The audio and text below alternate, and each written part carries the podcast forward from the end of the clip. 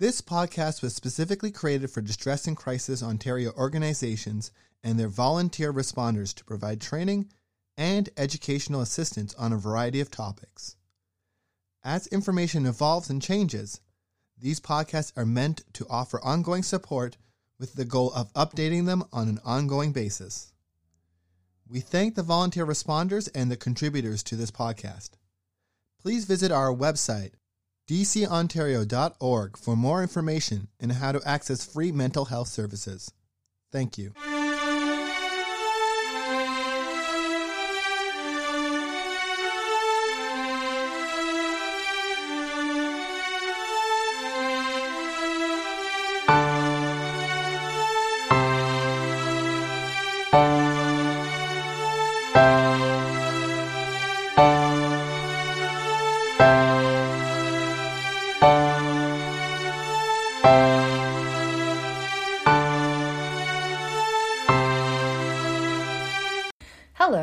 Thank you for listening to our podcast.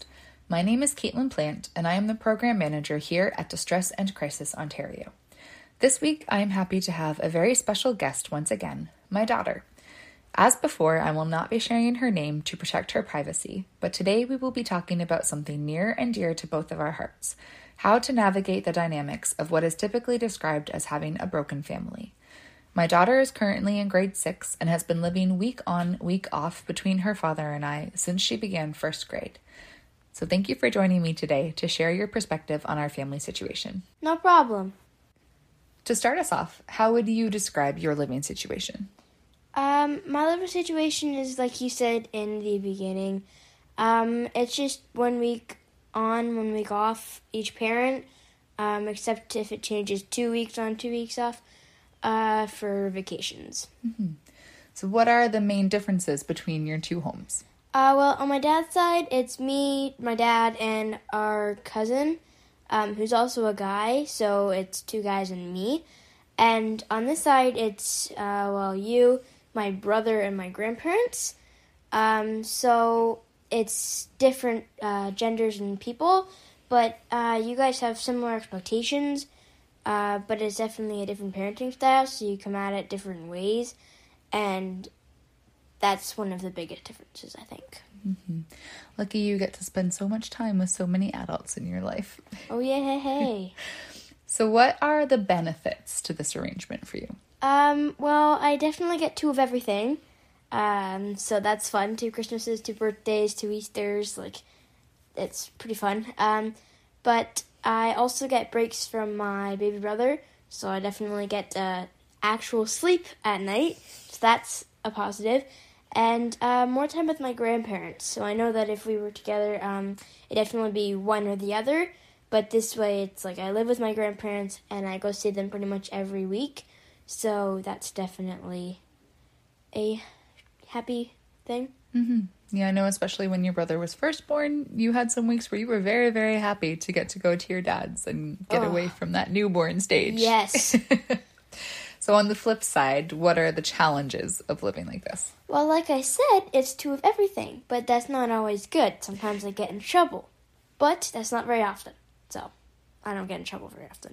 um, but I definitely miss the parent I'm not with, and when I'm leaving, I miss the parent like I'm already homesick, but I'm going to my different home. So that's a little confusing for my body sometimes.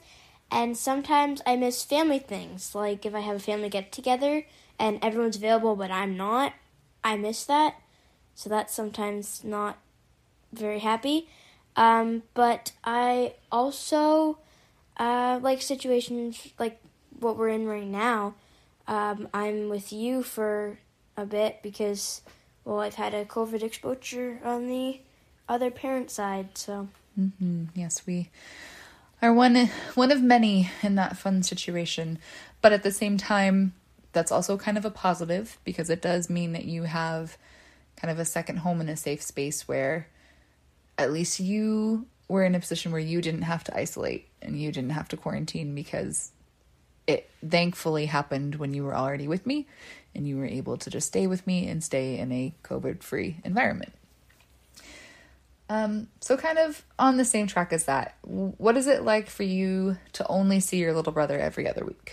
Um, that's really sad. There's not really any positive view for that except for the sleep. Um, because I miss all of his learning, growing, and like definitely when I come back, I notice he's grown more than you because you've been like with him the whole time. Mm-hmm. Um, but it definitely makes me sad that I miss all of his like new things. So Mm-hmm. every time I come back, it's like, what did I miss? What did I miss? Because there's just something important every time. I think it would be fair to clarify that you miss half of the new things. He definitely does learn new things when you're here sometimes too, especially new things that you teach him. He's getting to that age. Um, but yes, it, it is usually one of the first things that we talk about when I pick you up is you say, what did I miss with Theo this week? And I have to kind of try to think back on what those changes have been. If you knew of someone who was struggling with transitioning to this kind of back and forth schedule, would you have any advice for them? Um, not so much advice. Um, what I can say, truthfully, is that you definitely get used to it. Um, unfortunately, it doesn't get better. Like you still miss your parent, like no matter what parent you're with. Um, unless you're in like a fight or something, that's different. But um, I would definitely say that you get used to it after a bit. You get used to it, but it doesn't necessarily get easier. No. I think as a parent in this situation, I can agree with that as well. And and honestly, I don't know if I would even say that I'm used to it. Sometimes it's just as hard now as it was the first week that we started doing this. Yeah. So, in the introduction, I mentioned that kind of the normal phrase for our type of family situation is to be called a broken family. Uh, would you ever use that word to describe us? No. Um, personally, I do not think my family is broken, even in the slightest. They were never really unbroken, so I don't think it possible to be broken because they're two completely different families and they just have way different dynamics. And I just, when I come to my mind, whatever it is that's with my family, the word broken does not come to mind. Mm-hmm. Yes, your your situation is a little bit unique in that it's not like your dad and I were ever married and got divorced. We were never really together to begin with. It's like a dating breakup with a kid, Not at any point when you remember, at least, because our relationship ended when you were like two.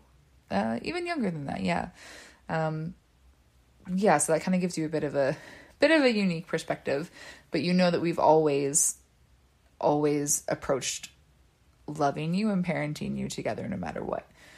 And I think that that's an important distinction to make. So, if you could give our listeners kind of one piece of advice about how to talk about these things like family dynamics without making someone feel uncomfortable, what would that be? Um, well, if it's a parent talking to the kid about how they feel if it recently happened, um, I think you should definitely let the kid talk first without like asking immediately questions. But if it's your friend and you already know something's up with the family, um, you definitely should approach it slowly and let them come to you more than you like attacking them. Because even if it's not meant to be an attack, you can definitely feel like that really quick, or just feel pressured or overwhelmed if you're not used to it or you don't like it.